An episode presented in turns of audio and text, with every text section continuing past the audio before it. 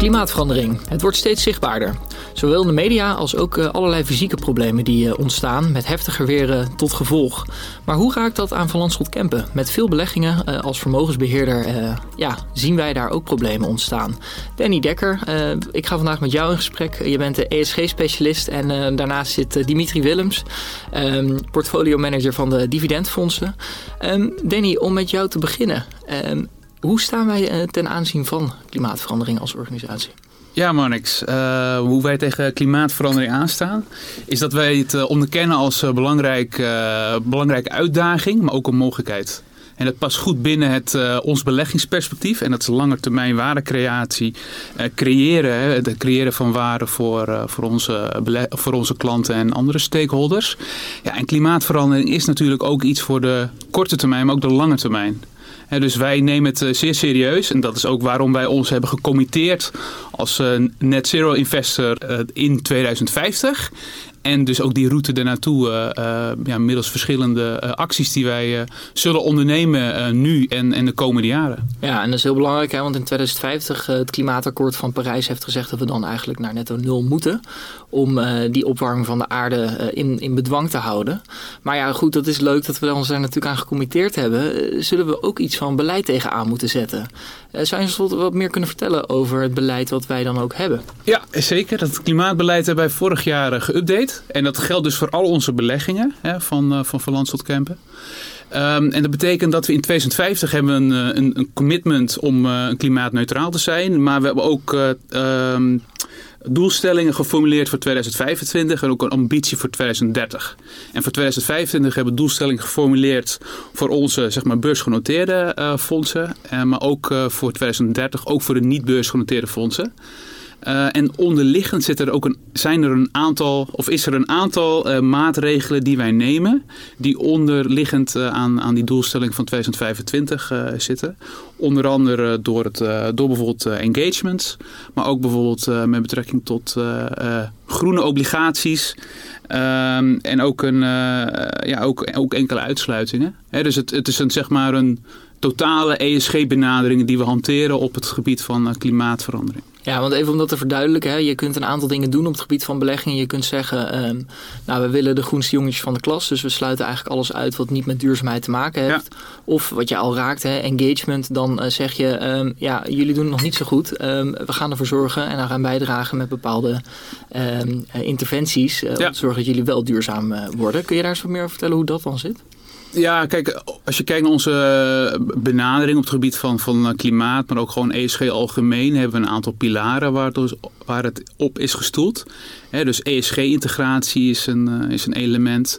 Uitsluitingen van bepaalde activiteiten. Dat we zeggen, nee, dit, past niet bij dit onderwerp. Wij geloven hier niet in. Bijvoorbeeld uh, teerstand op de, op de lange termijn. Dat, dat past gewoon niet bij klimaatverandering. Maar ook wat een belangrijk element is, zeker als, als actieve belegger.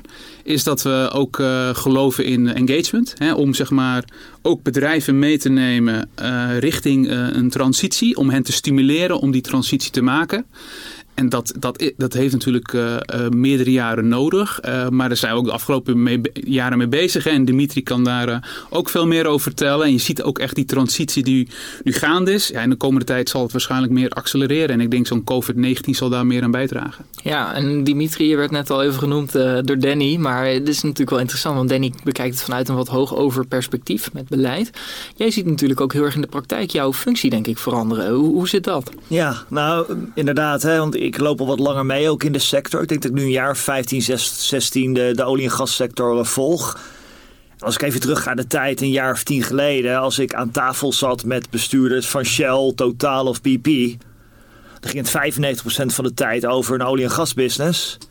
En 5% van de tijd misschien wel even voorzichtig hè, wat er allemaal buiten plaatsvond. Want er was wel iets aan de hand in de wereld. Onlangs ook weer gesproken, bijvoorbeeld met bestuurders van Shell. Toen ging het 95% van de tijd over wat er allemaal buiten gebeurt met CO2 en hun, hun, hun ambities en targets daar. En misschien maar 5% over de traditionele business. Dus je ziet in de loop der tijd, zeg maar, hoe uh, nou ja, wij als belegger hè, veranderd zijn in de manier waarop we naar die bedrijven kijken. Maar nog belangrijker, dat die bedrijven zelf ook aan het veranderen zijn. Dat het in de mindset van die bestuurders aan het veranderen is. En dat is heel bemoedigend, heel positief en, en heel motiverend om te zien. Ja, en wij, wij zitten hier natuurlijk ook op te nemen. Er is gewoon allerlei energie voor nodig. Je noemt net olie en gas. Ja. Dat is natuurlijk iets waar energie uitkomt. Maar dat kun je natuurlijk naar een hoger niveau trekken. En zeggen van ja, we zijn niet een olie- en gasbedrijf, maar een energiebedrijf. Is dat dan ook de transformatie die dit soort bedrijven maken? Absoluut, ja. En uh, Shell formuleert dat bijvoorbeeld ook heel duidelijk. He, die zien zichzelf zeker in de toekomst als een glo global power company. He, dus meer als een globaal elektriciteitsbedrijf. En, en veel minder als een traditioneel, misschien wat ouderwets fossiele brandstoffenbedrijf. Nou, en dat zie je niet eigenlijk alleen bij Shell, maar dat zie je ook bij alle anderen. Hè. Um, ze moeten wel veranderen. Wij verwachten dat als maatschappij. En nog belangrijker is, ze willen ook veranderen. En dat is wel iets wat we echt uh, bij die bedrijven afgelopen jaar hebben gezien. Ook de wil om te voldoen aan de doelstellingen die wij ook van ze verwachten. Dat is heel mooi om te zien. Ja, en dat, heeft, dat is dan natuurlijk allemaal uiteindelijk in lijn met die afspraak die we in 2015 hebben uh, gesloten, eigenlijk exact. met de hele wereld, hè? Ja. Om, uh, om die CO2-uitstoot dus helemaal terug te dringen. Um, maar 2015, hè? we zitten inmiddels 2021, de wereld ja. staat nu helemaal in brand natuurlijk met die coronacrisis die er nog bij komt. Maar we zijn mm -hmm. zes jaar bezig. Wat heb jij zien veranderen de afgelopen ja. Ja. jaren? om even wat concreter te worden. Mm -hmm. Nou, wat we hebben zien veranderen is hè, dat, als je even terug gaat in de tijd, hè, toen die bedrijven zich bewuster werden van hè, CO2, CO2-reductie, dat er misschien nog wel wat vrijblijvende ambities waren. Hè, wat dingen werden gezegd en geroepen over de toekomst, maar het was misschien nog wat weinig concreet. En wat we zeker, nou, pak bij de afgelopen twee, drie jaar hebben gezien, is dat het steeds concreter werd. Ook steeds concreter met acties. Hè, dingen die wij ook als, als belegger, maar ook als ESG-specialist zoals Danny, die wij samen kunnen volgen. He, doen die bedrijven ook daadwerkelijk wat ze zeggen? Dat kan je heel goed tracken tegenwoordig ook. Um, he, dus het is steeds concreter geworden, steeds meer vormgegeven in, in acties. Maar goed, we zijn er nog niet, hè, want dat verwacht ook naar de toekomst toe. Hè, dat ze ook naar de toekomst toe daaraan blijven voldoen. En ook nog steeds al die acties ondernemen die nodig zijn om de doelstellingen te halen. Ja, want als we dat nou hebben hè, naar die toekomst toe, want er is natuurlijk wel het een en ander veranderd, maar volgens mij ook nog niet genoeg. Mm -hmm. Wat verwacht jij dan dat er de komende, laat zeggen, paar jaar gaat gebeuren? Ja, ja, wat je gaat zien is uh, geleidelijk dat de traditionele olie- en gasbedrijven hè, hun olie- en gasproductie langzaamaan gaan uitfaseren. Hè, de een doet dat wat sneller dan de ander, de een is er wat meer uitgesproken in dan de ander. En er gaat steeds meer vervangen worden door hè, alternatieve energiebronnen. En je ziet dat de Shell, de BP's en de totaals van de wereld ook steeds meer in hernieuwbare en renewable energie gaan beleggen. Nou, dat gaat verder accelereren komende jaren. Um, gaan die bedrijven radicaal veranderen binnen nu en drie jaar? Dat denk ik niet. Binnen nu en 15 tot 20 jaar gaan ze radicaal veranderen. Ja, ja en als we die verandering dan zien. Um hoe, want ja, die verandering wordt ingezet, maar hoe um, ja, dragen wij er dan als Van Lanschot Kempen zijnde aan bij? Want wij hebben natuurlijk uh, een deel van dat soort aandelen ook in handen. Ja, ik denk op meerdere manieren, Monix. Dus hoe we er aan bij kunnen dragen. Kijk, we zijn dus, uh, we beleggen het, het, uh, het, het, kapitaal voor onze, voor onze klanten. Dus we zijn een gesprekspartner richting, richting onze klanten, maar ook richting de bedrijven. Dus dat betekent dat je uh, bedrijven kunt stimuleren, dus door engagement bijvoorbeeld, om, om die kant op te bewegen. En, en wat Dimitri al zei, het een groot deel van de tijd, ook met de bestuurders van een Shell, van een BP, et cetera, gaat over deze transitie. Uh, en daarnaast natuurlijk ook het allokeren van kapitaal. Hè, naar zeg maar de, de bedrijven die die omslag willen en kunnen maken. En, en, en daar dat is een ander element uh, daarbinnen. Ja. En als belegger ook hè, zowel de, de risico's, maar ook de mogelijkheden mee te nemen. Ja. Binnen je beleggingsproces. Waar misschien de mooie brug naar, uh, ja. naar Dimitri. Ja, want hè, aan het begin van het gesprek, Marnix, had je het ook even over uitsluiten. Uh, en, en het, ik, wij denken, hè, we zijn er overtuigd dat het uitsluiten van die olie- en gasbedrijven dat is te gemakkelijk. Te gemakkelijk in de zin van als je dat doet, ben je ook direct geen gesprekspartner meer met de bestuurders. En wat je merkt door gesprekspartner te zijn, hè, door aandeelhouder te zijn, ja, kan je ook met ze in discussie gaan, kan je engageren. En ook wel belangrijk om te benadrukken is, dat doen we niet alleen. We doen het ook bijvoorbeeld met andere beleggers. Als Van Landschot Kempen zijn we een belangrijke aandeelhouder in een hoop van de bedrijven die we genoemd hebben. Maar vergeleken natuurlijk met een aantal andere grote beleggers hebben we misschien net even wat minder power, wat minder impact. Maar door samen op te trekken als groep van beleggers, en een voorbeeld daarvan is uh, Climate Action 100 Plus. Ja, heb je gewoon heel veel power, heel veel engagementkracht als je met die bestuurders aan tafel zit. En zie je ook daadwerkelijk Hè, dat die bestuurders met je mee willen denken, met je mee willen bewegen. Ja.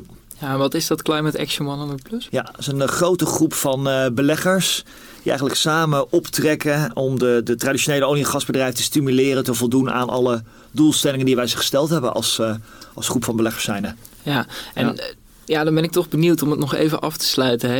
Is het dan ook effectiever om wel in dit soort bedrijven te blijven investeren, maar je hard te maken uh, voor dit soort onderwerpen dan het uit te sluiten? Ja, ja, dat denken wij uh, zeker. En um, hè, wat wij verwachten, en dan zet ik even mijn financiële bril op als portefeuillemanager, als belegger. Als je kijkt naar hoe beleggers traditionele olie- en gasbedrijven waarderen, is dat nooit een hele hoge waardering die ze erop plakken.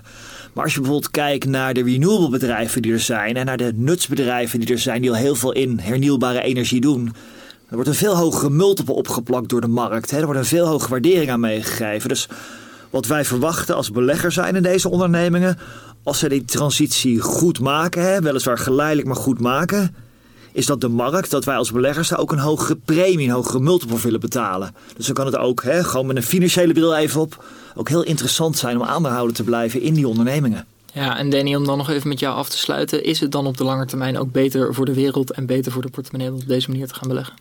Ja, dat denk ik wel. En de reden is dat we maken een transitie door. En dit is dan klimaatverandering, maar het is natuurlijk een bredere transitie richting meer een, laat zeggen, een duurzame wereld waar je ook zeg maar, niet alleen kijkt naar het financiële, maar ook naar het niet-financiële. Dus zeg maar het, uh, het, het, uh, de E en de S noemen we dat zeg maar in de beleggingswereld. Hè. Dus environmental en social. En dit is daar een element in. En in, in die zin is het ook niet anders dan bijvoorbeeld een, een, een, een innovatie dus van je, je, je, transformeert naar een ene soort economie naar een andere. dus je kunt wel overal uitgaan, maar dan verlies je invloed. dus het is van, van belang om dat juiste gesprek aan te gaan. En ook wel te zien van welke bedrijven wel kunnen en willen bewegen. En daar gaat het om. Dus uiteindelijk wil je, een, zoals ze het noemen, een real world impact hebben. En niet alleen ja, dat je het beleid met de mond. En dat je zegt, we zitten overal niet in, maar uiteindelijk gaat de wereld ook verder. Dus je kunt beter zeg maar, je invloed aanwenden om, ja, om een positieve verandering uh, teweeg te brengen. Ja, en dat is misschien ook een mooie boodschap om uh, mee te eindigen. Houd je invloed om uh, daarmee de wereld in positieve zin te veranderen. Danny, dank voor jouw tijd. Dimitri, ook dank voor jouw tijd. En ja, zorg dat deze transitie doorgezet wordt, zou ik zeggen. Zeker, dankjewel Dank je, Marnix. Dankjewel.